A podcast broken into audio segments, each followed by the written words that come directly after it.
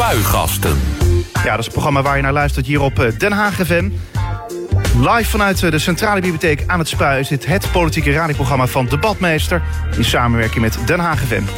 Tot 11 uur neem ik de afgelopen politiek, politieke week door en dat doe ik ook met mijn gasten. De gemeente Den Haag probeert om 500 mensen extra uit de bijstand te helpen. Het gaat daarbij vooral om langdurig werklozen. Binnen twee jaar wil de gemeente dat met alle 27.000 mensen met een bijstandsuitkering een persoonlijk gesprek heeft plaatsgevonden. Met als doel ze zo snel mogelijk aan een baan te helpen. Het actieplan Werkoffensief Plus 500 van de wethouders Rachid Kernawi en Bert van Alfen werd deze week besproken in de Haagse gemeenteraadscommissie. Hoe wordt deze aanpak vanuit de politiek beoordeeld? De gemeenteraadsleden Erlijn Wening van GroenLinks en Sebastian Kruis van de PVV gaan in debat. En de Tweede Kamer debatteerde deze week over de getrokken lessen na de financiële crisis. Het was in september 2018 tien jaar geleden dat de financiële crisis losbarstte... en Nederland in de grootste recessie belandde sinds de jaren 30. Hoe kan worden voorkomen dat dit opnieuw uh, gebeurt? Het Haagse D60-Kamerlid Joost Sneller... en ook uh, oud-gemeenteraadslid in Den Haag is de gast. Goedemorgen, Joost. Goedemorgen. Ja, uh, was het een spannende politieke week wat jou betreft? Uh, de week wel. Het debat uh, was niet zo spannend als wellicht te verwachten was geweest. Maar het was denk ik wel goed dat we daar tien jaar na het begin van de financiële crisis... nog even bij stil hebben gestaan en niet gewoon dat moment geruisloos hebben laten passeren. Ja, nou is het in Den Haag zo dat het lokale Den Haag dat er reces is. is geldt dat nu ook voor de landelijke politiek? Ja, sinds gisteravond. Dus hoe vul jij het reces verder in, behalve hier zitten? Uh, nou, ik heb een paar mooie WRR-rapporten liggen om te lezen... van de Wetenschappelijke Raad voor het Regeringsbeleid. Normaal kom je daar niet aan toe en in het reces heb je daar dan even de tijd voor. Kortom, uh, nou, je komt je tijd wel door. Zeker. Mooi. Gaan we nu naar... Het politieke weekoverzicht. Maandag 18 februari. Er komt een helplicht voor snorfietsen. Dat heeft minister Cora van Nieuwenhuizen van Infrastructuur laten weten. Eind vorig jaar steunde een meerderheid van de Tweede Kamer een voorstel van het CDA om de helm voor snorfietsen te verplichten. Onder andere Den Haag, wethouder uh, Robert van Asten van D60, die pleitte voor deze helmplicht voor snorfietsen. Uh, blij daarmee, Joost? Nou, ik denk dat het uh, goed is om te kijken ook waar die uh, snorfietsen rijden. En uh, als je ze naar de rijbaan, hè, waar de auto's ook zijn, wil verplaatsen... dan is het denk ik wel belangrijk dat daar ook veiligheid is voor de snorfietsers. En ja. verder is het vooral denk ik ook een zaak van mensen zelf om te besluiten wat ze doen. Maar als je die beweging wil maken, dan lijkt me dit een verstandige. Ja, en zelf fietser neem ik aan? Ik ben fietser, ja. Ja, helmloos. D60, helmloos. dan kan ik me voorstellen dat jij als fietser ook wel blij bent in die zin met... Ja, die snorfietser gewoon hup van dat fietspad af. Ja, ik fiets redelijk snel zelf. Uh, oh, je haalt ze zelf in? Nou, nee, dat dus niet. Uh, ondanks dat ik snel fiets, uh, word ik toch regelmatig voorbij gesjeest door dingen waar objecten, voertuigen waarvan ik denk, horen die wel op het fietspad? Oké, okay, nou, laten we naar de volgende dag gaan. Dinsdag 19 februari. De Haagse gemeenteraad doet haasje over met allerlei raadsdebatten over de vreugdevuren. Dat zei politiek commentator Frits Wester dinsdag tijdens de politieke talkshow Spuigasten van debatmeester en AD Haagse Courant. Gemeenteraad is natuurlijk een lastige. Veel partijen, erg verdeeld. Uh, voor een burgemeester ook lastig. Ja, waar ben je op uit? Ben je uit op het uh, zoeken van uh, de toekomst voor deze vuren, ja of nee? En hoe dan in de toekomst? Hoe is het allemaal gegaan? Zijn er dingen fout gegaan? Had het beter gekund? Of heb je een hele politieke agenda en probeer je dan de burgemeester weg te krijgen? Nou, dat laatste lijkt mij niet verre. Het kan altijd een conclusie zijn op een moment, maar da daarvoor moet je dingen afwachten. Wat ik wel zie, dat je hier in de Haagse gemeenteraad, ja, dan komt er een onafhankelijk onderzoek. Nou, dan kunnen we wat twisten over hoe dat tot stand gekomen is. En dat gaat nog een tijdje duren. Dus de, de Veiligheidsraad gaat er kijken. En nu zie je toch wel een soort haasje over van... ja, maar nu willen we al debatteren. Nu willen we nog een keer debatteren. Ja, dan denk ik, als je gewoon kijkt naar het proces... wacht nou gewoon rustig op de uitkomsten van het onderzoek. En uh, ga nou niet iedere keer als er weer wat naar buiten komt... en dat die stukken nu allemaal naar buiten gekomen zijn... zodat je ook kunt zien wat de Veiligheidsraad heeft gekregen. Nou, je daarvoor kunt bereiden. Prima allemaal, kan iedereen het zelf inlezen. Maar pas nou op dat je geen haasje over gaat doen... Uh, met allerlei raadsdebatten... En dan uiteindelijk komt er dat grote debat, als het goed is, over dat rapport uh, als dat verschenen is. Maar dan ja. weet je ook uiteindelijk meer. Ja, Joost, een duidelijke boodschap van uh, Frits Wester, politiek commentator. Ben je het eens met hem? Moet de gemeenteraad even rustig wachten op die uitkomsten van dat uh, vreugdevuren dossier? Ja, ik weet nog heel goed toen ik in de gemeenteraad zat, dus 2010, 2014 hier in Den Haag, dat ik het heel irritant vond als Tweede Kamerleden die minder van het dossier weten dan jij, uh, daar opeens een mening over hebben. Dus ik zal dat ook niet, uh, die fout niet maken. Maar in de algemene zin herken ik het, uh, de waarschuwing van Frits Wester wel... dat we moeten uitkijken als politiek uh, om niet te heigerig te zijn... en ook gewoon even de feiten af te wachten... en dan pas een oordeel te hebben. Ja, uh, dan nog wel één laatste vraag hierover, Joost. denk je dat er raadsleden zijn met een politieke agenda... zoals Frits Wester zegt... die proberen de burgemeester echt weg te krijgen? Nou, er zijn geen raadsleden zonder politieke agenda. Uh, daar zitten ze ervoor. Uh, de vraag is uh, waar die agenda toe leidt en wat daar precies in staat. Um, en ja, we weten allemaal dat het beschadigen van politieke tegenstanders soms bij mensen in de agenda staat. Ja, laten we naar woensdag gaan. Woensdag 20 februari. De Haagse gemeenteraad gaat geen uitgebreid debat voeren over het vrijgeven van het vreugdevuren-dossier. De Partij voor de Dieren wilde een debat, maar kreeg hiervoor onvoldoende steun. Naast de coalitiepartijen stemden ook CDA, 50PLUS en de Partij van de Eenheid tegen. Mogelijk komt er nog wel een wat beperkter twee, twee minuten debat in de gemeenteraad op donderdag 14 maart. Donderdag 21 februari. Een partijfractie in de Haagse gemeenteraad kan ruim 25.000 euro aan uitgaven van gemeenschapsgeld niet verantwoorden. Maar sancties tegen die partij blijven uit. Dat moet veranderen, vindt de politiek. Ook willen meerdere partijen dat de naam van de raadsfractie in Den Haag openbaar wordt gemaakt. Ja, Joost, eh, bericht gelezen? Ja, bericht gezien. Uh, ja, het is overheidsgeld, dus je moet er netjes mee omgaan. Uh, dit is gewoon van de belastingbetaler. En dan kan je er niet zomaar mee wegkomen, denk ik, dat je dat niet kan verantwoorden. Want daar moet je gewoon zuinig en netjes mee omgaan. Ja, maar tot nu toe wordt er heel erg uh, nou ja, geheimzinnig gedaan over welke fractie dit, ja, om welke fractie het gaat. Die, die 25.000 euro aan uitgaven van gemeenschapsgeld niet kan verantwoorden. moet dat wat jou betreft openbaar worden gemaakt?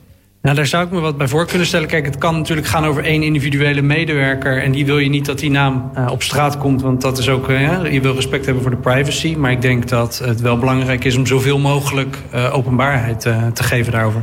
Vrijdag 22 februari. ADO Den Haag distancieert zich van de gebeurtenissen in Amsterdam. Daar werden op verschillende plekken in de nacht van donderdag op vrijdag... muren, ramen en deuren besmeurd met graffiti en verf. ADO Den Haag speelt zondag om, uh, morgen dus, om uh, kwart over twaalf thuis tegen Ajax.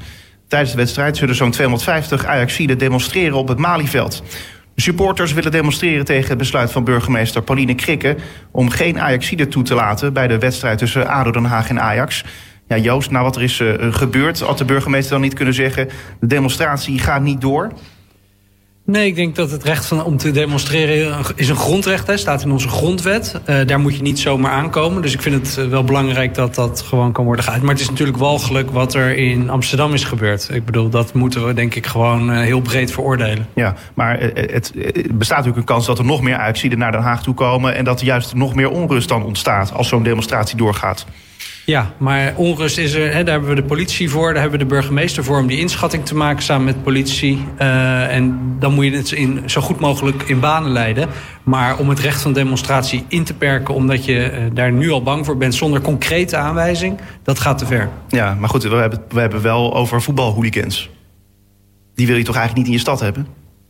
Nou ja, dat is gelukkig hebben we grondrechten en hebben ook uh, voetbalhooligans, zoals jij ze noemt, uh, die rechten. En is het niet aan ons om dat zomaar in te perken, maar hebben we daar uh, goede regels voor. En ik vertrouw het orde van de burgemeester daarin. Zaterdag 23 februari. De ministeries van Buitenlandse Zaken en Infrastructuur en Waterstaat aan de Rijnstraat zijn samen jaarlijks tonnen kwijt aan de huur van externe vergaderruimtes, omdat er in het eigen gloednieuwe pand te weinig plek is. Dat blijkt uit documenten die een vandaag heeft verkregen naar beroep op de wet openbaarheid van bestuur. Het huren van externe vergaderzalen kostte beide ministeries in het eerste halfjaar van 2018 ruim 560.000 euro. 230.000 euro meer dan toen de departementen nog in hun oude, kleinere behuizing zaten. En ook de cateringkosten liggen fors hoger. Nou, wat vind je hiervan? Ja, op een gegeven moment denk je dat uh, de, de soap rond die uh, nieuwbouw uh, niet... dat die gekker kan. Dat die niet gekker kan worden. En dan komt er, wordt er weer een nieuw hoofdstuk aan toegevoegd. Uh, we hadden eerst al de liften die niet werkten. De zwarte muren die uh, beangstigend waren. En de trappen die heel en, gevaarlijk waren. En de trappen die gevaarlijk waren. En uh, ja, dit is eigenlijk ongelooflijk. Je kijkt toch van tevoren hoeveel ruimte hebben we nodig. En wat is dan ook weer goed omgaan met belastinggeld. En als je dan extern zoveel extra moet inhuren, dan is dat natuurlijk zonde. Ja, ja we lachen er nu een beetje om. Maar eigenlijk is het natuurlijk diep en diep triest. Want hoe leg je dit nou uit aan mensen op straat? Ja, niet. Oké, nou duidelijk. Uh, dit was het uh, Politieke Weekoverzicht. Meer politiek nieuws vind je natuurlijk op onze website denhagfm.nl. Tot 11 uur spuigasten op Den Haag FM. Den Haag FM. De Tweede Kamer debatteerde deze week over de getrokken lessen na de financiële crisis. Het was in september 2018, tien jaar geleden, dat de financiële crisis losbarstte... en Nederland in de grootste recessie belandde sinds de jaren 30. Hoe kan worden voorkomen dat dit opnieuw gebeurt? Het Haagse D66-Kamerlid Joost Sneller, ook oud-gemeenteraadslid in Den Haag, is de gast. Ja, Joost, een uh, half jaar geleden was het dus eigenlijk tien jaar na de crisis. Waarom dan nu pas een debat eigenlijk? Ja, omdat er 200 debatten staan te wachten op de lijst uh, voor de plenaire zaal van de Tweede Kamer. Dus ja. dat was uh, meer een praktische uh, omstandigheid. Oké, okay, nou we zijn natuurlijk benieuwd hoe Nederland ervoor staat tien jaar na de crisis. Het gaat economisch goed, er zijn verbeteringen doorgevoerd. Maar we zijn er nog niet, zei minister Wopke Hoekstra van Financiën. Tegelijkertijd, voorzitter, is het ook waar dat uh, we er nog niet zijn en uh, dat het vertrouwen in de sector ook niet is hersteld en ook het afgelopen kalenderjaar wel weer een paar butsen heeft opgelopen in Nederland. Ja, we zijn toch uh, vooral benieuwd van waarom het vertrouwen in de financiële sector niet is hersteld. Hoe komt dat volgens jou, Joost? Nou, de minister noemt het hier butsen. Dat is nogal een understatement natuurlijk voor de salarisrel rond uh, de ING-topman. Uh, voor de witwasschandaal en de hoogste boete ooit uh, die ING heeft gekregen. Ja, 775 miljoen was het. Ja, ongelooflijk. ook de, de toedracht natuurlijk. Dat, dat schaadt gewoon het vertrouwen in de bankaire sector. Terwijl dat juist moest herstellen. En dat langzaam aan aan het doen was. Alleen als je dan op deze manier in het nieuws komt... als, een, als grootste bank van Nederland uh, twee keer vlak achter elkaar, dan tast dat het vertrouwen in de hele financiële sector aan. Ja, uh, in Nederland zijn we heel afhankelijk uh, van banken. Eigenlijk heel afhankelijk. Nog steeds, zei je in jouw inbreng. van drie banken, dezelfde drie banken als voor de crisis. Is dat dan juist een geruststelling of is het juist heel verontrustend? Nou, ik vind het verontrustend dat banken zo... drie banken, bijna 80% van alle, al het geld beheren eigenlijk in Nederland. Uh, en dat er dezelfde banken zijn als tien jaar geleden... betekent dat die positie ook moeilijk aan te tasten is. En dat er dus weinig concurrentie is als het gaat om echt doorgroeien naar een systeembank zijn. Ja, en, ik bedoel, kijk, we hebben het nu over het negatieve aspect uh, van die financiële crisis en hoe het er nu voor staat. Maar zijn er ook wel positieve punten te noemen? Ja, toen de crisis uitbrak waren de buffers, hè, hoeveel geld moet een bank aanhouden voor wat ze uit mag lenen, was echt heel laag. En dat is nu vele malen hoger. Uh, we hadden bonusregels die heel soepel waren. En nu hebben we de strengste in Europa. Dus er zijn wel dingen gebeurd sinds de crisis om te voorkomen dat het weer op die manier uit de hand kan lopen. En tegelijkertijd, en daar heeft de minister gelijk in, we zijn er nog absoluut niet. Ja, want uh, in die zin, uh, ja, je zegt van er zijn dus wel uh, goede dingen gebeurd, maar is het genoeg? wat jou betreft, jij zegt van, ja, net, je bent het eens met de, met, met, de minister, we zijn er nog niet. Ja, en dat is niet alleen in Nederland zo, waar we nog steeds moeten zorgen dat banken gewoon goed op spaargeld gaan letten en ook veilig blijven en ook integer handelen. Uh, maar vooral ook kijk ik naar de rest van Europa, waar je in bijvoorbeeld Italië ziet dat bank, de bankensector nog een groot risico is voor de hele economie. En dat wij als Nederland met een relatief grote bankensector... die toch ook weer verbonden is met de banken in andere landen... daar heel kwetsbaar voor zijn. Ja, kortom, eh, we moeten eh, meer eigenlijk Europese samenwerking eh, opzoeken. Dat is eigenlijk een beetje de oplossing voor het geheel. Ja, de grootste banken in Europa die staan al onder centraal toezicht vanuit Frankfurt, waar de Europese Centrale Bank staat. Uh, maar als het gaat om niet presterende leningen, eigenlijk probleemleningen waarvan we allemaal weten die gaan niet terugbetaald worden, die zijn nog heel hoog. Als, als je kijkt naar Italië, Malta, Cyprus. En het gaat ook bijvoorbeeld om de verwevenheid. Hè? Banken die moeten veilige reserves hebben. Dus gewoon cash bij wijze van spreken of staatsobligaties. Alleen Nederlandse staatsobligaties of Duitse, ja, daarvan weet je, die zijn heel veilig. Maar de Italiaanse bijvoorbeeld zijn toch een stuk minder veilig... terwijl we doen in de regels alsof dat eigenlijk 100% veilig is. En in Italië geldt ook nog dat het heel hoog percentage van de balansen bestaat uit Italiaanse staatsobligaties. Waardoor de verwevenheid tussen de banken en de overheid heel groot is. Zodat als er eentje in de problemen komt, het hele stelsel in de problemen komt. En, en, dus ook moeten wij als lidstaten. En dus ook wij als lidstaten, omdat wij vervolgens uh, de gevolgen daarvan ook gaan ondervinden in Nederland. En dat is een van de grootste opdrachten, denk ik, om te zorgen dat die verwevenheid een stuk minder wordt. Ja, uh, nu, nu praten we nu zijn we op het moment dat we tien jaar na, die, uh, na de start van die financiële crisis zijn. Dan denk ik tien jaar daarna. Hè. Ik bedoel, we hebben natuurlijk eerst de crisis dan meegemaakt. Uh, en ja, dus de, alle gevolgen van dien. Uh, maar dan denk ik, ja, dan zijn we nu tien jaar verder. Wat is er nou eigenlijk echt veranderd? Dat is hartstikke weinig als ik het zo hoor. Nou ja, ik denk dat het heel belangrijk is dat de buffers, hè, de, dus hoeveel reserve moet een bank aanhouden, dat dat uh, significant verhoogd is. En dat de Nederlandse bank nu ook zegt het is veel veiliger geworden. En dat de korte termijn winstgerichtheid, hè, want daar is mijn bonus van afhankelijk als bankier. Die prikkel was heel sterk en eigenlijk heel pervers tien jaar geleden. En daar is wel een hoop gebeurd. Dus daar zie ik echt wel uh, veranderingen die ons als, als land ook veiliger maken voor zo'n bankencrisis. Ja, maar goed, je legt net uit, uit uh, hoe uh, complex het stelsel is, hoe verweven al die instanties met elkaar zijn. ja, dan zijn dit natuurlijk maar speldenprikjes, om maar zo te noemen. Ja, en dat is ook waarom ik het uh, net een understatement noemde van ja. de minister. Uh, dat we er nog niet zijn en dat we een paar butsen hebben opgelopen. en tegelijk, hè, tien jaar geleden, daar kijken we heel erg naar hoe werd die crisis veroorzaakt. En hoe kunnen we dat nou voorkomen? Ja. Maar door met onze rug naar de toekomst te gaan staan en eigenlijk alleen maar te focussen op het verleden, dan loop je natuurlijk het risico dat de nieuwe uitdagingen, als je kijkt naar klimaat of fintech, van die nieuwe technologische bedrijven die ook financiële diensten aanbieden, of uh, niet-bankaire dienstverlening heet dat dan. Hè? Want, uh, in Nederland zijn we heel afhankelijk van banken, maar bijvoorbeeld in Amerika zijn er allerlei hedge funds of beleggingsfondsen die geld uitlenen of crowdfunding bijvoorbeeld dat dat heel erg aan het opkomen is... terwijl we dat eigenlijk veel minder goed in beeld hebben. En dat zou de oorsprong voor een nieuwe crisis kunnen zijn. Dus ik heb de minister ook opgeroepen... kijk nou vooral ook naar nieuwe uitdagingen, nieuwe problemen... en hebben we daar voldoende toezicht op geregeld...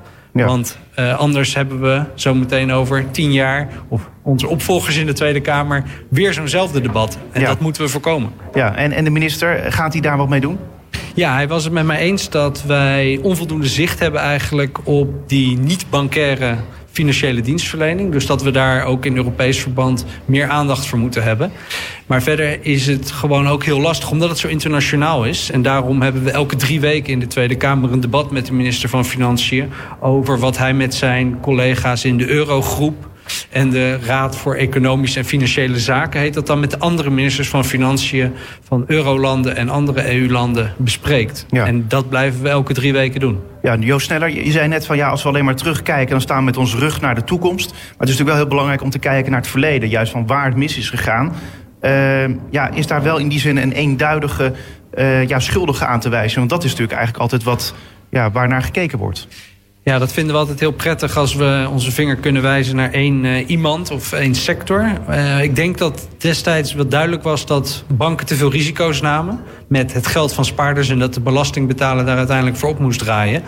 Maar dat ook toezichthouders onvoldoende scherp waren destijds. En dat ook mensen zelf wel erg makkelijk uitgingen van hele hoge rendementen. rendementen. Dus heel veel winst eigenlijk krijgen of heel veel rente op je spaargeld krijgen. En allerlei producten kopen waarvan je eigenlijk niet zo goed wist wat het deed.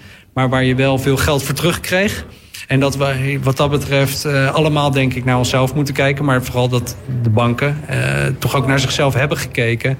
En uh, nou ja, hopelijk nu ook daadwerkelijk gaan laten zien komend jaar dat zij daarvan geleerd hebben. En ook van de recente schandalen. Ja, want de banken hebben het in die zin dan mogelijk gemaakt, toch? Dat, dat het kan, dat we zoveel uh, spaarrente kunnen krijgen, konden krijgen. Dat is nu natuurlijk helemaal niet meer aan de orde. Nee, en dat heeft ook weer hele andere oorzaken. Ja, maar uh. De, zij waren daar zeker mede schuldig aan, ja. Ja, even tussendoor. Je had ook nog een verwijzing naar Klein Orkest over de muur. Leg even uit waarom. Nou, ik vind het. Uh, je, uh, het zijn toch redelijk taaie onderwerpen, de financiële sector. En het gaat veel over afkortingen, jargon. Dus ik, ik zoek af en toe naar wat uh, citaten. En ik kan dan de Europese Centrale Bank-president citeren, wat ik ook gedaan heb.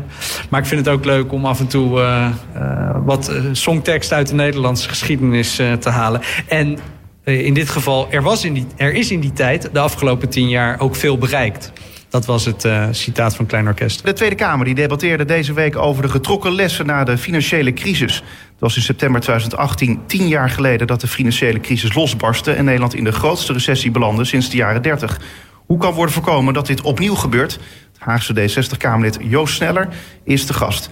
Ja, hoe realistisch is het nou eigenlijk dat er nou een nieuwe crisis aankomt, Joost? Nou, dat de economie zo meteen weer tegen gaat vallen uh, in Europa, dat is eigenlijk onvermijdelijk. Want dat is gewoon hoe de economie werkt. Uh, ik denk dat we in Nederland er relatief goed voor staan. Zowel door onze hervormingen de afgelopen jaren, maar ook door een veiliger bankair stelsel. Uh, alleen, ja, bijvoorbeeld in Italië zullen ze het echt heel moeilijk gaan krijgen. En de ervaring leert dat we het dan in Nederland ook gaan merken. Ja, en we hadden het er net al over. Hè? Eh, minister Hoekstra die zei ook al dat we de Europese samenwerking meer moeten gebruiken om een nieuwe crisis te voorkomen. Laten we even luisteren. Betekent dat dan dat je nu voorbereid bent op een, op een volgende crisis? Uh, nou, ik denk dat het eerlijke antwoord is uh, dat je de aanloop moet nemen die de heer Sneller nam. Namelijk, met name in Nederland staan we er aanzienlijk beter voor. Uh, en de kans is het grootste, en hij citeerde daar ook anderen, dat um, de problemen vooral vanuit elders in Europa kunnen komen. Het is ook niet voor niks dat we daar vooral de, de oplossing uh, moeten zoeken. En eerlijk gezegd is, is uh, mijn observatie dat er in Europa nog aanzienlijk meer moet gebeuren. dat geldt voor de staten. Ik, ik hamer keer op keer op wat er moet gebeuren ten aanzien van hervormingen en het, en het naleven van het Stabiliteits- en Groeipact. Maar dat geldt ook ten aanzien van banken. En ik memoreer nog maar eens dat uh, mits wij uh, de risicoreductie goed weten te realiseren, dat het dan ook verstandig is, vind ik niet alleen, maar vindt bijvoorbeeld ook de president van de Nederlandse Bank, die veelvuldig hier is aangehaald, uh, om toe te gaan naar een gemeenschappelijk depositogarantiestelsel. Omdat dat simpelweg, als je, het, als je een goede voorwaarde voldoet, en alleen dan, dat je de risico's voor de belastingbetaler verkleint. Um, maar ik vind dus niet dat we er, ik vind dus bepaald niet dat we er al zijn. Ja, Joost, je zei zelf al van er moet meer Europees samenwerken komen om ervoor te zorgen dat een crisis in de toekomst wordt voorkomen, zei je uh, al voor de muziek. Uh, hoe ziet dat er dan uit?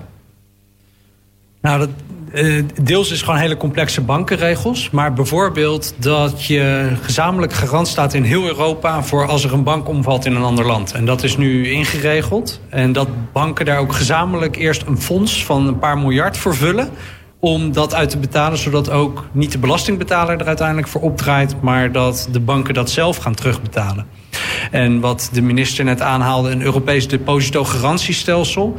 Dat is eigenlijk wat we in Nederland ook hebben. Dus jouw spaargeld tot 100.000 euro is gegarandeerd door de staat. En als je dat Europees regelt, dan zorg je er ook voor dat het minder aantrekkelijk wordt voor mensen om opeens al hun belasting, al hun spaargeld op te gaan halen bij een bank. Want dat hebben banken eigenlijk helemaal niet liggen. Aha, kijk. Uh, nou is het wel zo dat uh, er werd ook gezegd, ja, we moeten niet blind zijn voor de oorzaken van de uh, volgende crisis. Zie jij die oorzaken dan al nu verschijnen? Nou, klimaat was tien jaar geleden een stuk minder groot probleem. En banken hebben heel veel geld belegd in fossiele industrieën. En de ne Nederlandse bank, maar ook veel andere, waarschuwen dat dat zometeen veel minder waard zou kunnen zijn. En ik vind principieel ook dat als ik mijn geld naar een bank breng, dat ik ook zou mogen weten waar dat in belegd wordt. En ik vind dat we daar te weinig inzicht in krijgen op dit moment. Ja. Uh, tot slot, uh, politicoloog uh, Sander Boon die schreef er een opinie, in een opiniestuk in de Volkskrant... eerder dat er tien jaar voorbij gegaan is zonder echt fundamentele veranderingen, vindt hij zelf. Het wordt tijd dat politieke en financiële bestuurders in de spiegel kijken... voordat er nog eens tien jaar wordt verspild. Ja, wie moet er dan nog in de spiegel kijken? Want ja, om, jij bent een, een politicus, je bent geen bestuurder... maar moet onze minister van Financiën dan in de spiegel kijken? Die heeft er ook niet echt wat mee te maken? Nou, ik denk dat dit debat ook bedoeld was om als politiek gezamenlijk eens even te kijken waar staan we nou na tien jaar en wat zijn de belangrijkste opdrachten die er nog liggen? Want de ervaring leert dat wij pas echt grote besluiten nemen als het water ons aan de lippen staat. Als er een crisis is gekomen, als er de economie echt helemaal in het slop zit. Terwijl ik juist ook heb opgeroepen, laten we het nou zorgen dat we ook nu zonder acute aanleiding, nu het nog relatief goed gaat, dat we nu die maatregelen nemen die nodig zijn. Dus in die zin uh, begrijp ik wel wat de schrijver van het opiniestuk dat je citeert bedoelt. Als, als hij zegt, laten we nou zorgen dat we niet de komende tien jaar voorbij laten gaan zonder verdere ingrepen. Ja, en dat we uiteindelijk weer op hetzelfde neerkomen... dat we over tien jaar weer voor eenzelfde crisis uh, staan. Ja, we moeten nu alert blijven. En uh, er was vorige keer na de aanleiding van de financiële crisis... een parlementaire enquête, het zwaarste instrument van de Tweede Kamer... onder leiding van oud-SP-Kamerlid Jan de Wit, de commissie de Wit. En die heeft 27 aanbevelingen gedaan. En laten we nou nu nog eens kijken... wat is daarvan terechtgekomen en wat moeten we nog gaan doen... En dan denk ik, er ligt nog een opdracht voor de politiek. En dan kijken we graag in de spiegel. Ja, misschien een leuke opdracht voor tijdens het reces om te doen. misschien, uh, of, of, misschien ook niet, Joost. Misschien ook even lekker gewoon nou, uitrusten. Ik, uh, ik, heb dit uh, rapport tijdens de voor, het vorige reces gelezen. Dus ik weet wel ongeveer wat er nog te doen is. Dat was ook de voorbereiding voor dit debat. Oké, okay, mooi zo. Joost Sneller, geniet ook van het reces. Hè, en dankjewel dat je te gast was. Dankjewel, graag gedaan. Spuigasten. Het politieke radioprogramma van Debatmeester. Met Ivar Lingen. De gemeente Den Haag probeert om 500 mensen extra uit de bijstand te helpen. Het gaat daarbij vooral om langdurig werklozen. Binnen twee jaar wil de gemeente dat met alle 27.000 mensen met een bijstandsuitkering een persoonlijk gesprek heeft plaatsgevonden. Met als doel ze zo snel mogelijk aan een baan te helpen. Het actieplan Werkoffensief Plus 500 van de wethouders Rachid Gernawi en Bert van Alfen wordt deze week besproken in de Haagse gemeenteraadscommissie. Hoe wordt deze aanpak vanuit de politiek beoordeeld? De gemeenteraadsleden Erlijn Wening van GroenLinks en Sebastian Kruis van de PVV gaan in debat. Beide, goedemorgen. Goedemorgen. goedemorgen. Ja, Erlijn, GroenLinks zit in de coalitie. Ben je nou blij met deze aanpak van het uh, stadsbestuur... om 500 uh, extra werklozen aan een baan te helpen? Ja, ik vind het uh, een heel goed plan. Ja, waarom? Leg uit. Uh, nou ja, uh, er zijn een heleboel mensen in Den Haag die al heel lang in de bijstand zitten... en die heel lang niks van de gemeente hebben gehoord. En ik vind dat een hele slechte zaak. Er is geen contact geweest voor een hele lange tijd. En nu voor het eerst gaan ze kijken... Um, hoe gaan we die mensen nou bereiken? We gaan ze allemaal, allemaal spreken. We gaan allemaal kijken wat willen ze zelf en wat kunnen ze wel... Uh, en wat hebben ze nodig? En als ze dus iets nodig hebben om aan het werk te, krijgen, te kunnen... dan krijgen ze dat ook. Dan krijgen ze een ontwikkeltraject aangeboden. En ik vind het een hele goede zaak. Ja, kortom, het was ook iets wat nog niet bestond, hè? Het is echt nieuw, ja. Het is echt helemaal nieuw. Nou, kijk eens aan. Uh, Sebastian, uh, ja, uh, minder mensen in de bijstand, meer mensen aan het werk. Dat moet de PVV aanspreken, toch? Absoluut niet, want het zegt al. Dat GroenLinks er blij mee is, betekent dus dat het slecht is voor de stad. En het wordt dan verkocht als vernieuwend. Terwijl ik al in het debat zei, toen Woodstock in 1969 voorbij was... bleef allemaal dit voor het voorstellen achter op het weiland... toen de hippies allemaal vertrokken.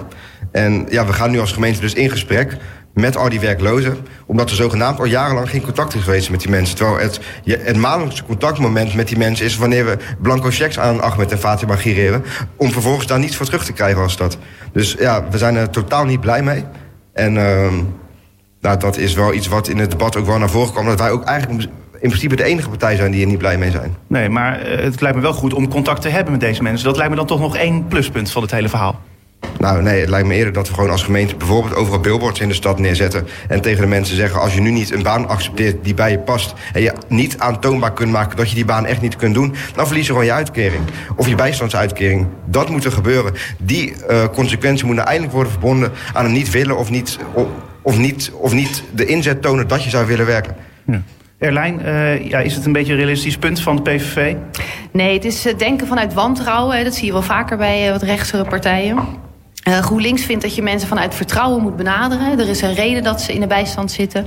Uh, en daarom moet je ook uh, goed luisteren um, en kijken wat ze nodig hebben. En dan kan je volgens mij hele mooie dingen bereiken. Ja, Sebastian, is dat toch niet een idee om, om juist dat het goed is om met mensen in gesprek te gaan die dan werkloos zijn? Want anders ja, bereik je ze misschien niet. Je zegt wel van ja, misschien met billboards in de stad.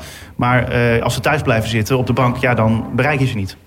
Nou, nee, dat is een super slecht idee. Want die mensen zouden in gesprek moeten gaan met de werkgevers die vacatures uit hebben staan. We leven in, we leven in een economische hoogconjunctuur. Zijn gigantisch veel vacatures. Eigenlijk meer vacatures dan dat er mensen zijn die die vacatures zouden kunnen opvullen. Dus laat die mensen contact zoeken met de werkgevers voor een baan. In plaats van dat ze ze in gesprek laten gaan met gemeenteambtenaren al dan niet in een andere taal. Maar dat bleek ook nog uit het uh, plan. Ja, daar gaan we het zo meteen over hebben. Eh, maar laten we wel wezen, uh, je zult mensen uh, die een zetje in de rug nodig hebben... die zul je moeten helpen.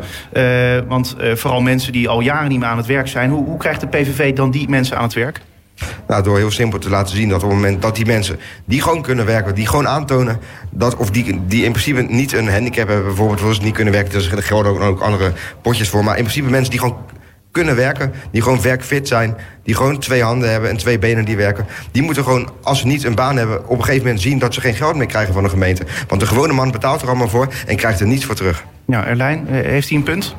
Nee, absoluut niet. We, zijn, we leven in een, uh, een fatsoenlijk land met een mooi uh, sociaal zekerheidsstelsel. Bovendien is het wat de PVV hier aankaart, is natuurlijk gewoon een landelijke kwestie. Hè? of, je, of je mensen bijstand geeft of niet. En ik ben er trots op dat we dat, we in Nederland zo geregeld hebben. Um, en ik denk dat het, dat het ook heel belangrijk is voor alle mensen in Den Haag... dat we dat op deze manier zo gaan doen. Ja, je bent er blij mee dat die mensen ja, binnen twee jaar een, een gesprek krijgen. Mensen die dus al langdurig werkloos zijn... Uh, maar ja, misschien even worst case scenario. Maar als die mensen dus uh, binnen die twee jaar een gesprek hebben ge gekregen... en uh, uiteindelijk geen baan uh, vinden, ja, wat dan? Zijn ze dan hopeloos? Nee, absoluut niet. Er zijn een heleboel manieren om actief te worden. En dat heb ik ook in het debat aangegeven. Hè. Ik vind het belangrijk dat het niet een kwestie wordt van 500 uh, matches maken en turven wie er een baan heeft. En als dat dan gelukt is, uh, hoezee roepen. Ik denk dat het veel belangrijker is de manier waarop die mensen aan een baan geholpen worden. Um, en dat andere manieren van activering ook uh, gewaardeerd worden. Hè. Dus als mensen uh, vrijwilligerswerk gaan doen of mantelzorg... of op een andere manier een verbetering krijgen in een situatie... doordat ze zo'n ontwikkeltraject ingaan... en in ieder geval dichterbij uh, participeren, dichterbij werk komen... dan vind ik dat ook al pure winst. En dat vind ik heel belangrijk. Die toezegging heb ik ook gekregen. Uh, dat dat ook gewoon meegeteld wordt. Ja, en Sebastian, ben je daar ook blij mee? Nee, dit is natuurlijk geen manier van besturen. Want uiteindelijk is het doel dus om 500 mensen aan het werk te krijgen. Maar GroenLinks zegt, als dat niet lukt, ben ik ook tevreden. Dat zegt ze in feite. Maar hoe dat dan, hoe dat dan gekwantificeerd wordt... wanneer het dan wel voldoende is en wanneer niet... ja, dat blijkt uit niets.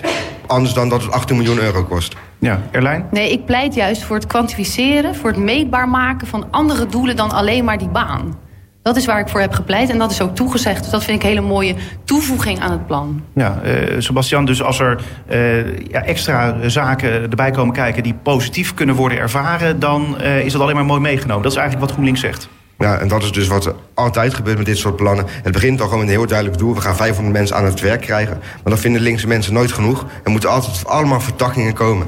Waardoor het uiteindelijk een heel groot plan wordt... voor mensen die vrijwilligerswerk zouden kunnen gaan doen... die de bereidheid hebben getoond om iets te willen gaan doen. Uiteindelijk allemaal nog steeds niets doen. Wel elke maand nog steeds die bijstandsuitkering vangen. En uiteindelijk laten we ons na één keer gewoon met zo'n plan... op het uiteindelijke doel blijven focussen. Namelijk die mensen gewoon aan een baan helpen. En niets anders dan dat. Ja, uh, nou is er eigenlijk wel, want je zei net van uh, Sebastian, van ja, uh, er zijn zoveel vacatures, eigenlijk minder dat er, dan dat er mensen voor zijn.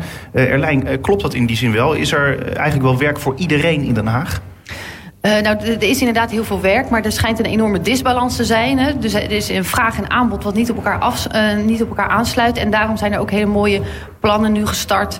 Uh, om bijvoorbeeld te zorgen dat meer mensen opgeleid worden... om bij te dragen aan de energietransitie. En bijvoorbeeld installatietechniek en dat soort dingen. of zorg, echt sectoren waar heel veel behoefte aan is... dat mensen daar meer in geschoold worden... Uh, zodat die match beter gemaakt kan worden. Ja, uh, als het gaat om energietransitie zal de PVV het uh, waarschijnlijk niet mee eens zijn. Maar is dit wel in die zin een goed punt? Nee, maar kijk, het gaat dus om mensen die zich nou de, de voorbije jaren niet echt hebben onderscheiden op het gebied van proactiviteit. Er wordt nu alweer voor uitgelopen op het feit dat ze allemaal aan het werk komen. Dan noemde de wethouder dan een energieacademie. Dus dat we die mensen dan daarin gaan plaatsen, ja, je verzint het allemaal niet. Maar we moeten eerst nog maar zien dat deze mensen überhaupt naar die gesprekken gaan komen. Waar ze voor, de, uh, waar ze voor van gaan worden uitgenodigd. En ik moet dat nog maar zien gebeuren. Ja. Die en daar is ook helemaal geen consequentie aan uh, verbonden als ze niet komen opdagen. Zoals de wethouder zijn. Er zijn vast legitieme redenen waarom ze niet komen. Dan denk ik van nou, wat doen die mensen dan de hele dag? Dus ik kan me geen enkele reden bedenken waarom ze niet zouden kunnen komen opdagen. Maar dat wordt nu allemaal alweer toegedekt met ja, er zullen redenen voor zijn. GroenLinks vond het onbestaanbaar dat we die mensen dan eens thuis gaan opzoeken. Terwijl je dat natuurlijk gewoon eigenlijk zou moeten doen. Gewoon bij die mensen thuis langs gaan om te kijken van hoe wonen jullie? Is er misschien een signaal wat kan leiden tot fraude? Je, je, kijk, als je bij iemand komt met een bijstandsuitkering en er staan allerlei nieuwe uh, elektronische apparaten. Dan zou je kunnen vermoeden dat er misschien fraude wordt gepleegd. Doe niet iedereen, maar je kunt het wel checken op die manier. Ja, uh, Erlijn, is het een idee bij mensen thuis langs gaan om te kijken nou ja, hoe dat gesprek dan thuis kan worden gevoerd in plaats van dat ze naar bijvoorbeeld van het huis moeten komen? Nou, in de plannen die, uh, die we nu uh, te lezen hebben gekregen, daar stond dat ook al, hè, dat er wel huisbezoeken ook dat dat een optie zou zijn als mensen niet, niet op een afspraak komen. Um, maar ik, ik wil. Wat me... wilde u niet? U zei, nee, dat moeten we niet hebben. Ik, ik vind het te ver gaan om bij één uh, afspraak waar iemand niet komt... Als je, als je jarenlang als gemeente niks van je laat horen... En je, je gaat één brief sturen en iemand komt niet... om dan meteen op huisbezoek te gaan. Ja, dat, dat, is, dat vind ik veel te ver gaan. Maar dat dat uiteindelijk tot de mogelijkheden behoort... dat kan natuurlijk als Ja. het op een goede manier gebeurt. Maar niet, niet met, met meteen eh, het wantrouwen weer van... oh, dat, dat zal dan wel fraude zijn... Ehm, volgende, eh, of over twee weken gaan we praten over handhaving. Hè, dat, eh, eh, waar wethouder Bert van Alfen eh, antwoord eh, zal geven op allerlei vragen daarover. Ehm, en ik denk dat het daar ook enorm belangrijk is om niet vanuit wantrouwen eh, te denken. Dat is ook weer echt, echt iets van, van VVD en PVV... om altijd maar te denken dat iedereen wel zal frauderen. Nou, dat is gelukkig Nou ja, het geval. uiteindelijk zei Sebastian net van ja, het hoeft niet zo te zijn, maar het kan zo zijn dat als je dus een handhaver meestuurt, dat die daar bijvoorbeeld op kan letten. Ja, maar dat vind ik dus om, dat vind ik omgekeerd denken. Nee, maar eerlijke mensen hebben niets te vrezen. En uiteindelijk blijkt dus dat in totaal 4% van de, maar van de fraude eh, vermoedens die worden uitgesproken, die worden maar onderzocht. En van die 4% blijkt dan weer 82% daadwerkelijk te bestaan van fraude. Daar lijkt dan daadwerkelijk een fraudegeval te zijn. Dus wat dat betreft, het levert wel wat op om in ieder geval daar aandacht voor te hebben. En dan niet vanuit een eh, gevoel van wantrouwen, maar gewoon een wisselwerking tussen u wat krijgen, wij wat controleren. Er moet absoluut aandacht voor zijn. Er, is ook, er zijn allemaal goede dingen over afgesproken. Er is een intensiveringsslag, eh, zoals dat eh, genoemd wordt. Is afgesproken op handhaving. En natuurlijk moet, moet dat gecontroleerd worden.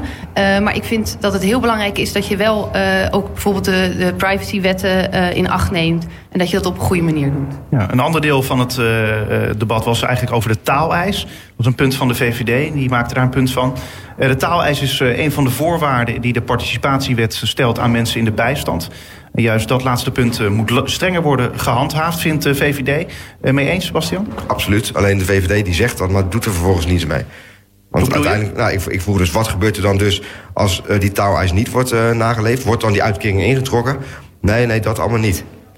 Ja, uiteindelijk moet je dan ook gewoon die consequenties eraan verbinden... dat iemand die geen Nederlands spreekt ook geen uitkering meer krijgt. Nee, maar goed. Simpel as that. Goed, de VVD zei wel, zei wel in die zin, ja, eh, de, de, de, de VVD zei wel natuurlijk van, ja, we moeten er strenger op eh, controleren, strenger op handhaven. Dus dat is dan een winstpunt, zie jij. Ja, het winstpunt. Ja, kijk, als daar tegenover staat dit plan van 18 miljoen van GroenLinks... dan zie ik niet heel veel winstpuntjes. Oké, eh, Erlijn, vind jij het goed eh, dat eh, er moet gel- gelet worden op die taaleis, dat er strenger op moet, moet worden gehandhaafd volgens de VVD?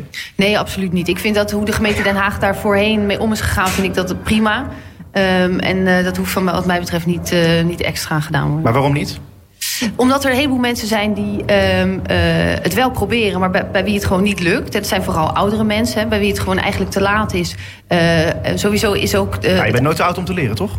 Nee, niet om te leren, maar om echt om je een taal helemaal eigen te maken. Dat is niet iedereen gegeven.